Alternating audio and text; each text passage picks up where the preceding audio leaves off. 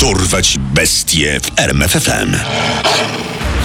Imię i nazwisko. Denis Raider. Liczba ofiar. 10. Pseudonim. BTK Killer. Sposób działania. BTK. Bind, torture, kill. Skrępować, torturować, zabić. Skazany na Dziesięciokrotne dożywocie. obecne miejsce pobytu. Więzienie Eldorado Correctional Facility w Kansas. Gdyby Denis Raider, szanowany mąż, ojciec i obywatel miasta Wichita w stanie Kansas, a także przewodniczący Rady Parafialnej pewnego dnia nie pomyślał, Dzieci już dorosłe. Nie mam co robić. Nudzę się. i nie zapragnął wysłać serii listów do mediów i na policję informujących o dokonanych przed 30 laty zbrodniach, być może do tej pory cieszyłby się wolnością. Naraził się na zdemaskowanie, bo denerwowało go to, że przez wiele lat policja była tak nieudolna. A w końcu nawet zaklasyfikowała jego morderstwa do tzw. cold cases, czyli nierozwiązanych, niewyjaśnionych spraw.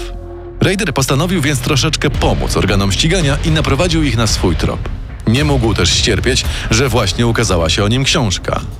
Koszmar w Wichita polowanie na dusiciela BTK, która według niego zawierała nie do końca prawdziwe dane. Po aresztowaniu wyznał. Chciałem opowiedzieć tę historię własnymi słowami. Książka Roberta Beatty o mnie to bullshit. Gdy w 2005 roku Raider trafił do aresztu, nikt z bliskich i znajomych nie mógł uwierzyć w jego dokonania. W tym czasie był inspektorem służb miejskich w Departamencie Prawnym Park City na przedmieściach Wichita, gdzie zajmował się m.in. sprawami mieszkaniowymi i opieką nad zwierzętami. Był uważany za spokojnego, dobrze wychowanego człowieka. Choć tu i ówdzie zdarzały się głosy krytyczne pod jego adresem. No, że to morderca, to bym nie powiedziała, ale fakt był czasem nadgorliwy. A ja czułem, że z nim jest coś nie tak. On uśpił mojego psa. Zupełnie bez powodu. Przez 30 lat Denis Raider wodził za nas policję, media, współpracowników, sąsiadów, a także rodzinę, która nie miała pojęcia o jego morderstwach. Cofnijmy się zatem do początku jego zbrodniczej ścieżki, by spróbować zrozumieć, jak to możliwe. Jest początek 1974 roku. Denis Raider, absolwent administracji na Uniwersytecie Stanowym w Wichita, pracuje jako monter systemów alarmowych. Jest mężem Polly Dietz. Ma dwójkę dzieci, mieszka w spokojnej podmiejskiej dzielnicy. 15 stycznia dokonuje pierwszego napadu. Za cel obiera sobie rodzinę Otero, imigrantów z Hiszpanii, którzy od niedawna mieszkają w jego sąsiedztwie. Przez dłuższy czas obserwuje, kiedy wychodzą i kiedy wracają, jakie mają nawyki.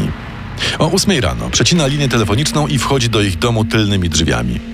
Jest pewien, że w mieszkaniu przebywa tylko Julia Otero i dzieci, dziewięcioletni Joe oraz jedenastoletnia Josephine. Tymczasem niespodziewanie wpada na ojca rodziny, Josepha. Kim jesteś? Wołam policję! Tylko spokojnie, jestem z biegiem, potrzebuję kasy i jedzenia, no i auta. Daj mi to wszystko, a zaraz znikam. I bez policji, koleś, bo cię zastrzelę. Rzeczywiście. Raider wyciąga spluwę i grozi nią Josephowi Otero. Następnie każe całej rodzinie położyć się w sypialni. Związuje ich. Nie protestują, bo wierzą, że napastnik faktycznie chce ich tylko okraść i uciec. Raider usypia ich czujność, po to, by nagle jednym strzałem zamordować ojca rodziny. Następnie dusi jego żonę i bierze się za dzieci.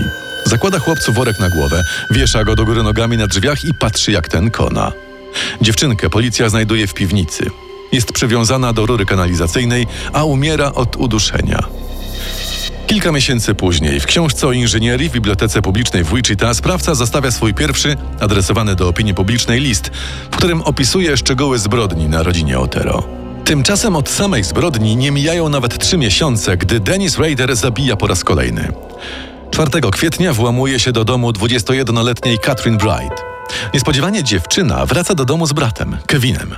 Raider wyskakuje z szafy z pistoletem w ręku. Na podłogę! Leżeć, a nic wam się nie stanie. Mimo, że oszołomione rodzeństwo słucha napastnika, między nim a Kevinem dochodzi w pewnym momencie do szamotaniny. Raiderowi nie udaje się udusić ani zastrzelić chłopaka. Ten, choć ranny w głowę, ucieka z domu siostry. Tymczasem morderca zadaje Catherine kilka ciosów nożem. Dziewczyna po kilku godzinach umiera. Gdy przyjeżdża policja, po napastniku nie ma ani śladu. Po tej zbrodni Denis robi dwa lata przerwy. Wiele lat później, podczas procesu, tłumaczy się tak. Wiesz jak to jest, dzieci szły do szkoły, Nie miałem głowy do mordowania, byłem zajęty. W 1977 roku wraca do ulubionego zajęcia. W marcu dusi 24-letnią Shirley Vane, przestępując próg jej domu jako rzekomy detektyw. W grudniu włamuje się do 25-letniej Nancy Fox, morduje ją w łóżku. Następnie dzwoni na policję. Halo? Zabiłem kolejną osobę. Młodą kobietę. I będę zabijał dalej. Policja wysyła nagranie głosu mordercy do telewizji. Mimo wielokrotnej emisji nikt nie rozpoznaje Denisa Raidera. Ten, choć cieszy się, że nie został namierzony, powoli zaczyna się irytować nieudolnością służb i brakiem rozgłosu, który sobie wymarzył. W listach do gazet pyta, ile osób ma jeszcze zabić, by dostać więcej miejsca w prasie. Na policję wysyła też wiersz poświęcony zamordowanej Nancy Fox. Co to? Nie wiem, jak ten potwór wszedł do mojej głowy. Jak się z niego wyleczyć? Nie umiem go powstrzymać, rani mnie, rani innych. Może ty potrafisz nad nim zapanować. Słuchajcie, ten zwyrol jest poetą. W lutym 1978 roku Raider wysyła list do stacji telewizyjnej Cake w Wichita. Przyznaje się w nim do zamordowania rodziny Otero, a także Shirley Vane, Nancy Fox i prawdopodobnie Catherine Bright. Złości się, że pomimo swoich działań wciąż nie doczekał się należytego przydomku w mediach. Postanawia sam coś zaproponować. Możecie mnie nazywać dusiciel z Wichita, albo jeszcze lepiej BTK Killer. B jak bind, T jak torture i K jak kill. To mój, jak to mówicie, modus operandi. Czerwcu 1979 roku BTK Killer wysyła list w dwóch kopiach. Jedną do niedoszłej ofiary, Anny Williams, drugą do telewizji Cake. List zawiera pończochy oraz wiersz pod tytułem Anno, czemu nie przyszłaś? I opisuje zaplanowaną zbrodnię, do której nie doszło, ponieważ tytułowa Anna, wbrew oczekiwaniom mordercy, zamiast wrócić do domu, udała się do mieszkania siostry. Raider co prawda włamał się do jej domu i zabrał kilka rzeczy oraz przeciął kabel telefoniczny, ale odstąpił od ataku, nie mogąc doczekać się na powrót kobiety. To typowe dla niego. Jeśli coś idzie nie po jego myśli, nie dąży za wszelką cenę do realizacji morderczego scenariusza. Wycofuje się, jest ostrożny. O swoich ofiarach pisze jako o projektach, o napadach jako o celach. Narzędzia zbrodni takie jak pistolet, kajdanki, lina, taśma samoprzylepna trzyma w torbie na kręgle. Mówi o nich hit kit. Lubi się też przebierać przed dokonaniem morderstwa. Jego ataki zwykle przebiegają według podobnego schematu. Raider wyszukuje ofiary na ulicach Wichita. W chwili napadu udaje gwałciciela, stwarzając pozory, że po zaspokojeniu się zostawi napadniętych w spokoju. Następnie krępuje, torturuje i zabija. Ze sposobów mordowania szczególnie podnieca go duszenie. Wielokrotnie poddusza ofiary, dopóki nie stracą przytomności, aż w końcu doprowadza ich do śmierci. W 1979 roku Raider znika na kilka lat. To dziwne w przypadku seryjnych morderców, dlatego większość przypuszcza, że morderca trafił za jakieś inne przewinienia do więzienia, przeprowadził się lub nie żyje. Mimo to policja nie ustaje w wysiłkach, by go schwytać. W 1983 roku zostaje powołana specjalna grupa dochodzeniowa Pogromcy Duchów, która prowadzi zakrojone na szeroką skalę śledztwo przy użyciu najnowszych wówczas technik, takich jak analizy DNA. Niestety, w połowie lat 80. morderca przypomina o sobie. Jezus Maria! Ludzie! Ratunku! Ukrywa się w szafie 53-letniej Maureen Hedge, a po wyjściu kobiety z łazienki rzuca się na nią znienacka i dusi. Zwłoki zawozi do kościoła, robi im zdjęcia, a następnie porzuca poza miastem. Rok później zabija Vicky Vergel, udając pracownika firmy telekomunikacyjnej. Przed ostatnim zabójstwem robi sobie dłuższą przerwę. 62-letnią Dolores Davis zabija w styczniu 1991 roku. W tym czasie Denis przebywa na obozie skautowskim ze swoim synem. Na chwilę go jednak opuszcza. Słuchaj, synu, muszę wrócić do Park City i przypilnować interesów. Niedługo wrócę. Włamuje się do domu kobiety, tym razem udając włóczęgę. N- Nie mam za wiele oszczędności, ale co? Co robisz? Związuje Dolores i dusi ją w łóżku. Wraca do syna na obóz, a następnie znika na długie lata, aż do 2004 roku. Listy, które wysyła wówczas do policji i mediów, zawierają liczne, choć często zaszyfrowane, wskazówki dotyczące jego tożsamości. Do telewizji Cake przysyła łamigłówkę słowną. Zawiera ona m.in. jego nazwisko, numer domu i zawody, których przedstawicieli udawał, mordując ofiary. Raider podrzuca nie tylko listy i maile. W parku zostawia prawo jazdy Nancy Fox, jednej z zamordowanych kobiet. Na podmiejskim parkingu, w pudełku po butach, umieszcza lalkę, która jest ucharakteryzowana na małą Josephine Otero. Bawi się z mediami i policją w kotka i myszkę. Ale nie potrwa to już długo.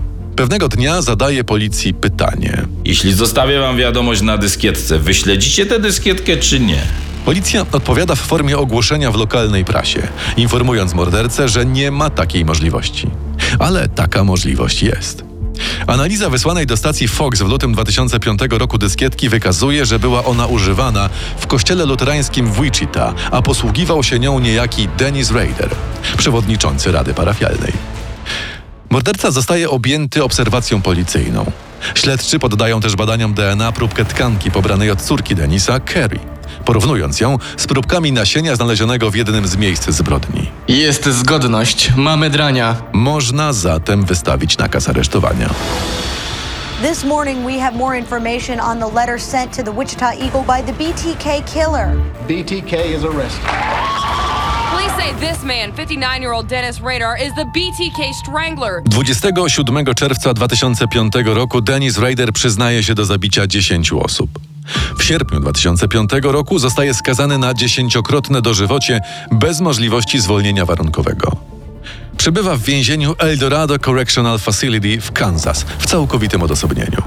Ma prawo do jednego godzinnego spaceru dziennie oraz trzech pryszniców na tydzień. Jako wzorowy więzień otrzymał też pozwolenie na oglądanie telewizji, słuchanie radia i czytanie prasy. W 2014 roku ma premierę film Dobre Małżeństwo, nakręcony na podstawie opowiadania Stephena Kinga, który inspirował się historią BTK Killera. Przeciwko jego powstaniu protestuje córka Raidera, Kerry Rawson. Kobieta pisze do Kinga list, w którym żąda, by pisarz zostawił jej rodzinę w spokoju. Mój ojciec był potworem. Zabił 10 osób. Nie zasługuje na uwagę. Nie był żadnym cholernym bohaterem. Stephen King odpisuje w e-mailu. To wszystko prawda, no ale w moim filmie pani ojciec nie jest żadnym bohaterem. Jest banalnym, małym człowieczkiem. Bohaterką jest żona mordercy, kobieta zdeterminowana i silna. Poza tym dążenie do zrozumienia jest podstawą sztuki i tylko to mną kierowało przy powstawaniu dobrego małżeństwa. Poznaj sekrety największych zbrodniarzy świata. Dorwać bestie w RMFFM.